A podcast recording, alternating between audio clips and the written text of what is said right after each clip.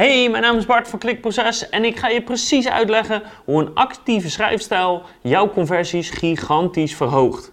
Dus ik ga je exact leren hoe je zo'n actieve schrijfstijl toepast, wat je wel moet doen, wat je niet moet doen, tips, adviezen, voorbeelden, alles wat je nodig hebt om die actieve schrijfstijl zelf toe te passen en daarmee je conversies te verhogen. Welkom bij Klikproces met informatie over betere rankings, meer bezoekers en een hogere omzet. Elke werkdag praktisch advies voor meer organische groei via SEO, conversieoptimalisatie, YouTube en voice. Wat is een actieve schrijfstijl? Nou, dat is een manier van schrijven die de bezoeker aanspreekt en aanzet tot actie. En de reden waarom een actieve schrijfstijl cruciaal is als je conversies wil halen, is omdat het makkelijk wegleest, omdat het duidelijkheid creëert in het hoofd van de bezoeker met hoe het zit, dus hoe, de dienst werkt, hoe het probleem wordt opgelost, dus wat het verhaal is. En het is heel duidelijk in wat de volgende stap is om te doen voor de bezoeker. Dus het is zowel een stuk hoe bouw je je tekst op en hoe sluit je hem af en hoe zet je iemand aan tot actie, als in welke woorden gebruik je wel en niet, welke schrijfstijl hanteer je. Dus een actieve schrijfstijl heeft eigenlijk twee componenten. Ze zijn een aantal belangrijke kenmerken van een actieve schrijfstijl. En het belangrijkste is eigenlijk dat het heel erg lijkt alsof je met iemand in gesprek bent. Je bent met iemand aan het praten over een bepaald onderwerp en jij bent zeg maar de verkoper of jij bent degene die de ander probeert te overtuigen van jouw mening of jouw product of jouw dienst. Dus daar is het meest vergelijkbaar mee. En dat betekent dus ook als je gaat schrijven met een actieve schrijfstijl, dat het bijna altijd lijkt op een gesprek, behalve dat je bepaalde spreektaal meestal eruit laat. Ook is een actieve schrijfstijl extreem duidelijk in wat de lezer moet doen en waarom die dat moet doen of wanneer die dat moet doen.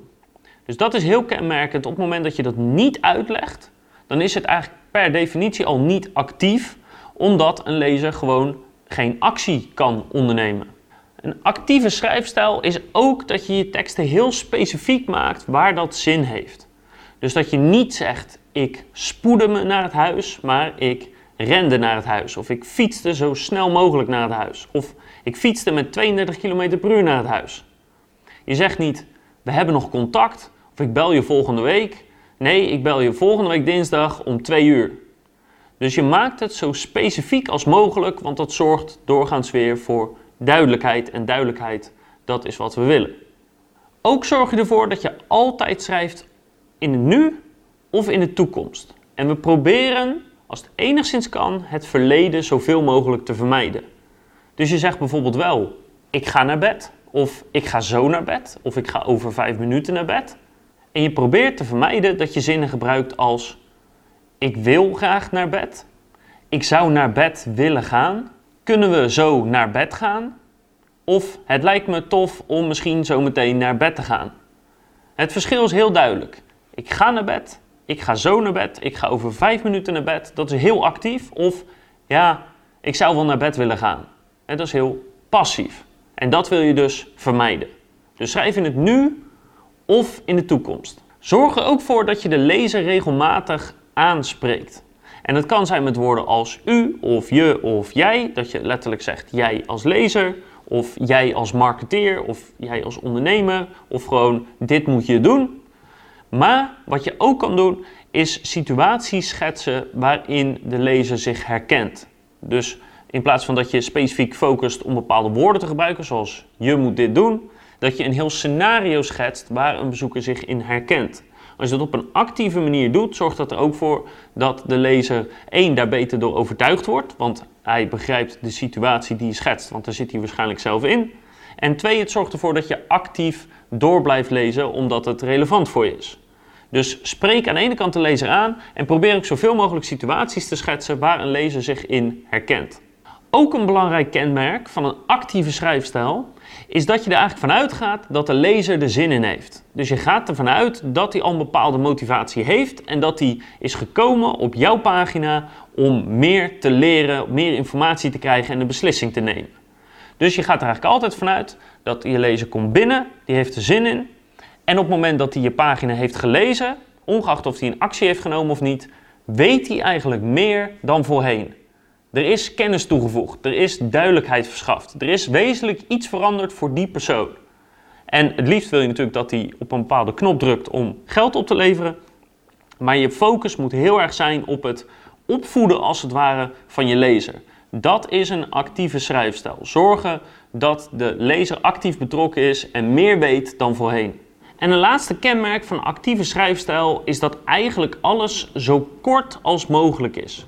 Dus je tekst is zo kort als maar kan zonder verlies van informatie of kwaliteit. Maar ook je zinnen zijn gemiddeld genomen kort, want korte zinnen lezen vaak makkelijk weg. En ook je woordgebruik is kort.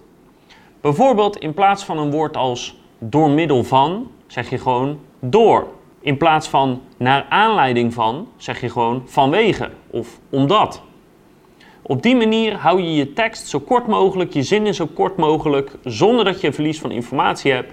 En dat zorgt ervoor dat de lezer veel meer actief betrokken is en het als een veel prettiger stuk ervaart. Er zijn ook een paar belangrijke dingen die je moet vermijden als je een actieve schrijfstijl wil hanteren.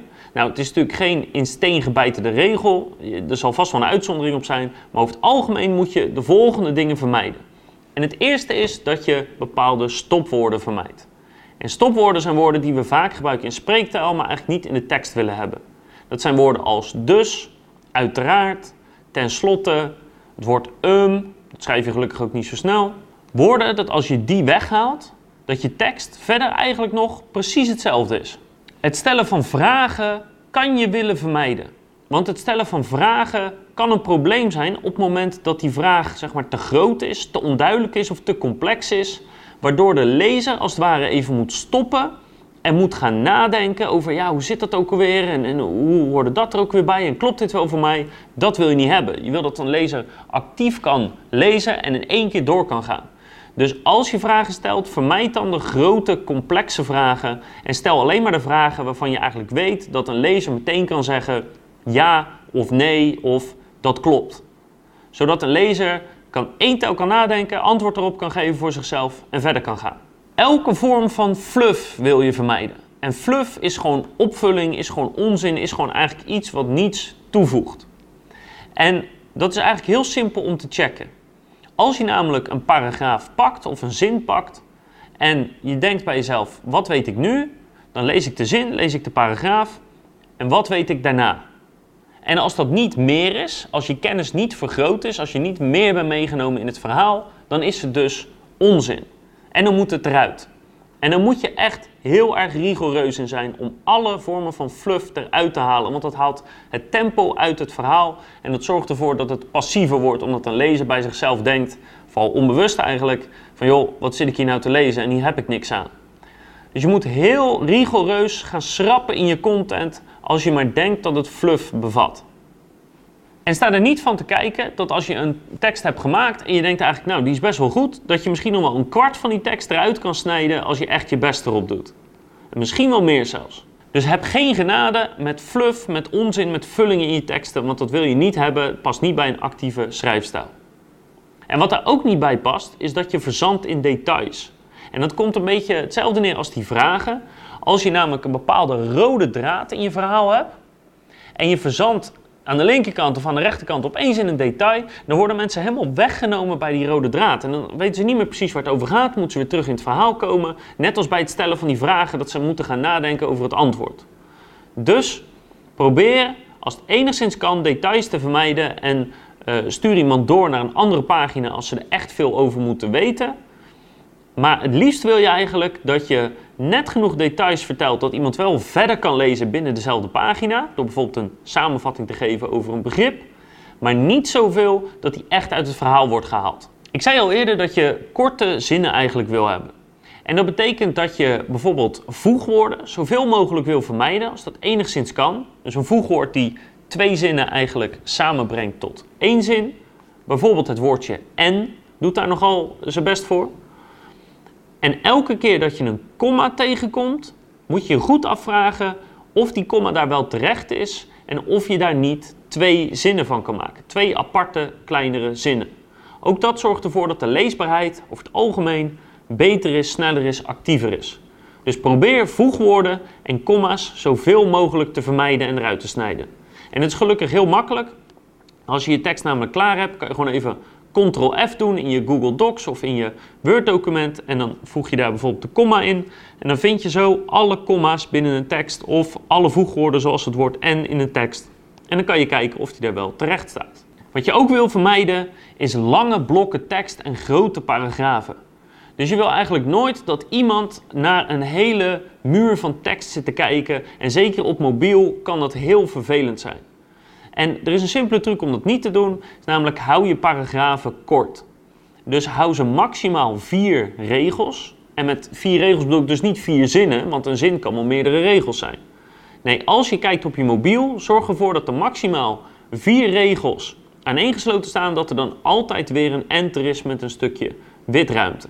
En als het enigszins kan, wil je eigenlijk liever teksten hebben met drie regels of twee en zelfs afgewisseld met af en toe een, een één regel wat dan een zin is. Dus zorg ervoor dat je paragrafen kort houdt en dat er veel witruimte omheen zit, aangevuld natuurlijk met koptekst en afbeeldingen, zodat er afwisselingen zit en zodat er een prettige manier is van doorheen komen. Want er is niks zo vervelend als op een pagina komen en echt zo'n hele muur van tekst zien. En wat je daar nog bij kan helpen als tip, is je kan regelmatig gebruik maken van één paragrafen. En dat betekent dus letterlijk dat je gewoon één zin neerzet en dat is het. Je kan zelfs gebruik maken van één woord paragrafen. Bijvoorbeeld door een vraag te stellen en dan doe je een enter, dan heb je dus een stukje witruimte en dan zet je het woordje toch met een vraagteken. Dat is aan de ene kant een hele kleine vraag, waar iemand als het goed is meteen ja of nee op kan zeggen. Maar het is ook een hele fijne afwisseling van elke keer een aantal regels lezen. Dus een één zins paragraaf of een één woord paragraaf kan heel prettig zijn in de afwisseling.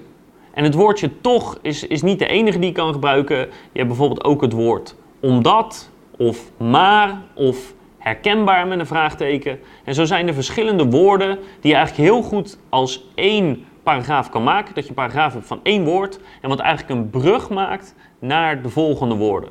Wat je absoluut wil vermijden, dat zijn twijfelwoorden. En we hebben in de Nederlandse taal heel veel twijfelwoorden, dus ik ga ze zo meteen even opnoemen.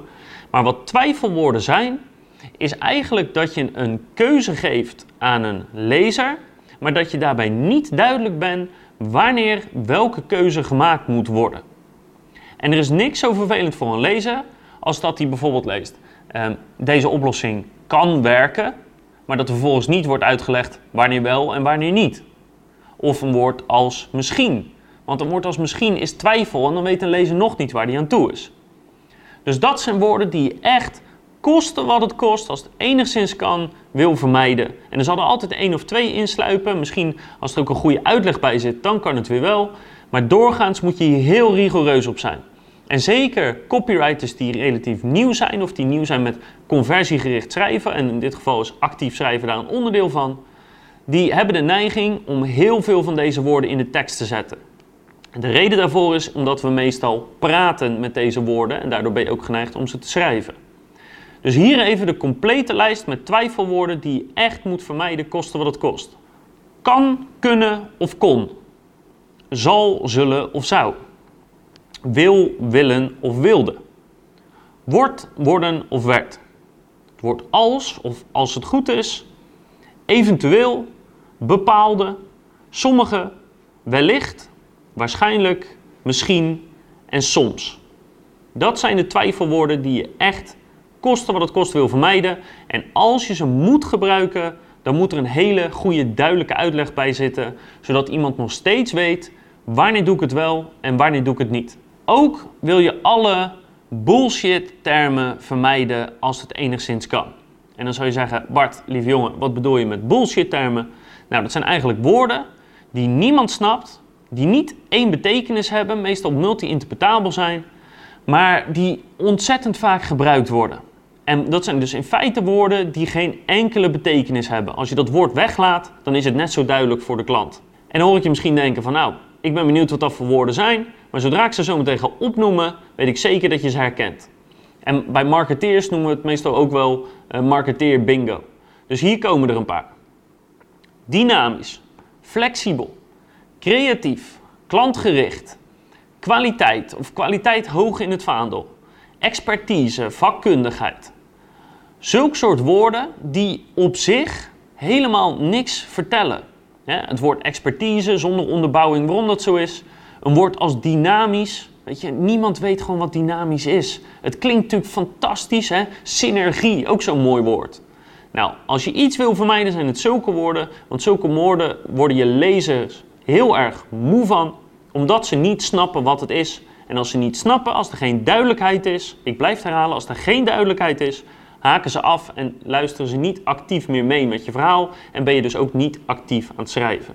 Vermijd zulke bullshit termen echt kosten wat het kost. En daaraan vasthangend hangt een beetje het punt van vermijd jargon, maar vermijd jargon alleen als dat ook klopt.